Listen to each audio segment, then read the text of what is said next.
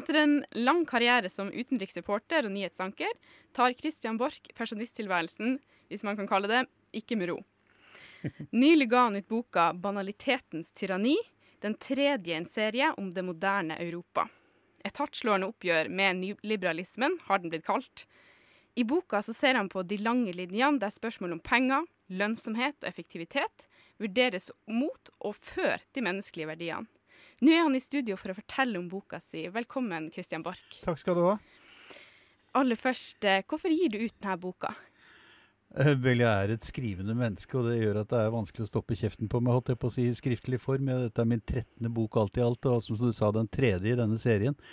Eh, det henger sammen med mange forskjellige forhold. Men for det første fordi jeg, jeg, liker å skrive. Det er en måte å tenke på. Det er en måte å uttrykke seg på. For det andre fordi at jeg har jo levet av dette her et langt liv. Eh, for det tredje fordi at jeg har jo sett sammenhenger i et langt liv som utenriksreporter, og sett tendenser utvikle seg som jeg ikke alltid har kunnet fortelle om i sin sammenheng. Dels fordi at eh, journalistikken i radio og fjernsyn er relativt, hva skal man kalle det for noe, sånn litt kuttet i begge ender. altså Den er i hvert fall sånn ganske fragmentarisk.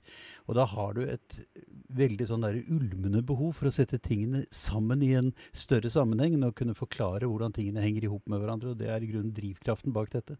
Boka må kunne kalles en uh, sterk kritikk av nyliberalismen. Uh, hva var nå det igjen? Nei, det, det, kan du si. Altså, Med nyliberalismen så sikter jeg til den politikken som fikk dominere Europa fra 1980 ganske nøyaktig. Da hadde Maggie Thatcher sittet ved makten i et halvt år i Storbritannia. Du fikk Ronald Reagans Reaganomics i USA, drevet av den samme visjonen. Og du fikk en konservativ bølge over det meste av Europa som en slags reaksjon på at det gamle sosialdemokrat politiske etterkrigsprosjektet på en måte var avsluttet i 70-årene. Eh, den hadde en visjon om at slipper du kapitalen og initiativet fri, så vil du få et mer konstruktivt, produktivt samfunn. Og det tror jeg nok er riktig på mange måter. Det er en del av den konservative kapitalismen.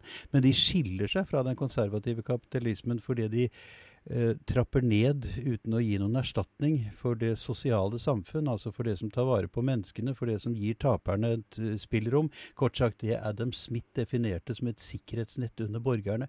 Og da blir det altså bare uh, penger, penger og penger som blir faktisk normen for hva som er vellykket og hva som ikke er vellykket. Du mener også at uh, politikerne ved å innføre en ganske fri økonomi har fraskrevet seg politisk styring. Kan du fortelle ja. litt mer om det? Nei, altså Poenget er jo ganske enkelt det at hvis dette skal fungere slik som Maggie Thatcher og de andre liberalistene tenkte på det tidspunkt, så var det jo nødvendig at politikken holdt fingrene fra fatet i noen grad og lot kreftene få spille fritt. Og deres store visjon var jo at hvis du slutter å statsdirigere utbyggingen av næringslivet for å holde liv i distrikter rundt omkring, hvis du slutter å holde puter under armene på folk, så vil initiativet komme i kraft av seg selv. Og det har et naturlig gen, slik at du vil skape naturlige samfunn på den måten. Men problemet var at ved å trekke seg tilbake, så åpner de jo et rom for at finansmarkedene i stor grad kan definere sine egne arbeidsbetingelser. Og de er altså, for å si det uhyre forsiktig, overhodet ikke besjelet av noen visjoner om at de har et samfunnsansvar. De er rene egosentrikere, hvor profittfaktoren er helt toneangivende. Og dette kommer da i økende grad til å dominere politikken og styringen av fellesmidlene i samfunnet i lang tid fremover. Hvordan kunne en sånn endimensjonal eh, nyliberalisme få et sånt eh, fotfeste og hegemoni? Jeg tror mye av årsaken var den at, at, folk ble grepet av en slags begeistring over at det skjedde ting plutselig. Altså Det som før hadde virket, begynt å virke litt trått og traurig, det var nå plutselig begynt å bli gledesfylt fordi folk fikk bøtter opp spann av penger mellom hendene. Altså folk kunne låne, ikke sant. Og uh, en reklameindustri som var uten enhver form for sosial samvittighet og ansvarsfølelse, biffet jo opp disse her materialistiske idealene. Så du fikk liksom en sånn bølge av visjoner om at uh, vitsen med livet var å demonstrere din egen materielle rikdom, og egosentrisiteten kom til å spille en veldig stor rolle. Dermed førte det også til at du fikk en utvikling av narsissismen i brede lag av folket og i store generasjoner generasjoner fremover. Dette er dokumentert gjennom sosialpsykologiske undersøkelser. Og det gjorde jo da at fokus på de problemene som lå i bunnen av samfunnet, ble fjernet, eller i hvert fall svekket, inntil det sprakk. Men, men tror du ikke at drømmen om å bli rik eh, alt, og at man gjør omtrent hva som helst for å, for å få velstand til seg sjøl, alltid har vært til stede, og at eh, kan man da si at man er mindre human nå enn for 50 år siden? Ja, det kan man helt klart si. Altså, du kan si at den drivkraften etter å bli rik, den ligger her som en del av menneskets gener, på en måte. Det er en del av overlevelsesaspektet, på en måte. At du rent intuitivt og rent genetisk hele tiden vil arbeide for å sikre deg, for å skape en trygg plattform rundt deg og ditt liv osv. Og, så og jo mer velstående du blir, jo bedre blir den plattformen. Så det ligger der nok hele tiden. Men problemet her er jo det at vi lever i samfunn. Vi lever i samfunn som er utviklet med henblikk på å samordne kreftene som skal skape trygghet for borgerne.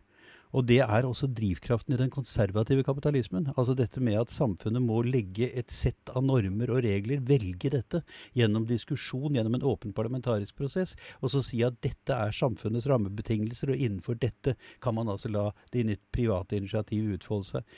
Og den første forutsetningen er altså neglisjert i den æraen du har hatt fra 1980 og frem til bruddet kom i 2010. Mm. Du mener at denne nyliberalismen også kulminerte i den økonomiske krisa i Europa i 2008-2009? Jeg mener jo helt klart at den skapte den økonomiske krisen. fordi at finansmarkedene, som jo fikk nærmest fullstendig kontroll over dette Du så jo hvordan bankene utviklet seg, og hvordan bankenes belønning av sine egne slapp fullstendig bakkekontakten opp gjennom denne perioden. De definerte jo kredittsystemene. Altså de, de definerte jo gjelden som en kreativ økonomisk faktor. Altså Har du dårlige resultater i mars, så kan du låne masse penger, og så kan du sette i gang og gjøre det mye bedre i april. Men på et eller annet punkt så stoppet det. Og det skjedde først og fremst liksom med Lehman Brothers sammenbrudd på Wall Street i 2008 som det store symbolet. Og så kom jo den ene gjeldstyngede europeiske stat etter den andre og bare kastet inn kortene og sa at vi klarer ikke mer. Hva mener du har vært reaksjonen fra velgere til denne politikken? Jeg vil vel si det slik at jeg tror vi har sett egentlig en veldig svekkelse av tilliten til det parlamentariske demokrati. Og jeg tror det kan forklares med en rekke forskjellige ting. I den aller siste fasen av denne utviklingen så var det fordi politikerne jo åpenbart hadde sviktet sin oppgave i land etter land etter land. Velgerne i Hellas har ingen tillit til politikerne. Det hadde de ikke før heller, men det er i hvert fall mye mindre nå. Og det samme gjaldt de andre landene som så at politikken hadde sviktet fordi politikken hadde gjort seg på en måte til et instrument for kapitalkreftene, for å sette det litt på spissen. Men det som jo kom frem etter hvert, det var jo altså at økonomien, tenkningen markeds, i markedsøkonomiske baner, førte jo til at det farget nesten alt, også måten politikere begynte å te seg på. I løpet av denne perioden fikk du jo et enormt uh, spenn i dette med medierådgivning, dette med taktisk valgplanlegging osv.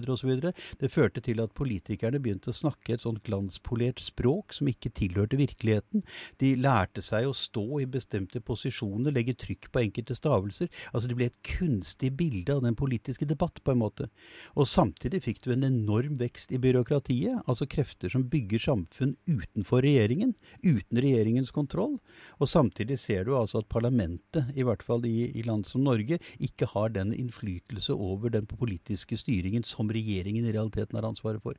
Ikke at kontakten er dårlig, men det er bare rett og slett det at de kan ikke, de kan ikke altså styre det verket som egentlig i lang, stor grad styres av embetsverket. Og dermed svikter tilliten. Altså følelsen av å tilhøre et demokrati, med alt hva det innebærer, deltakelse, engasjement, forståelse for osv., osv., evaporerer sakte fra velgermassen. Du har jo vært med å starte opp en ny podkast som heter Du verden, som har blitt veldig godt mottatt eh, i Norge.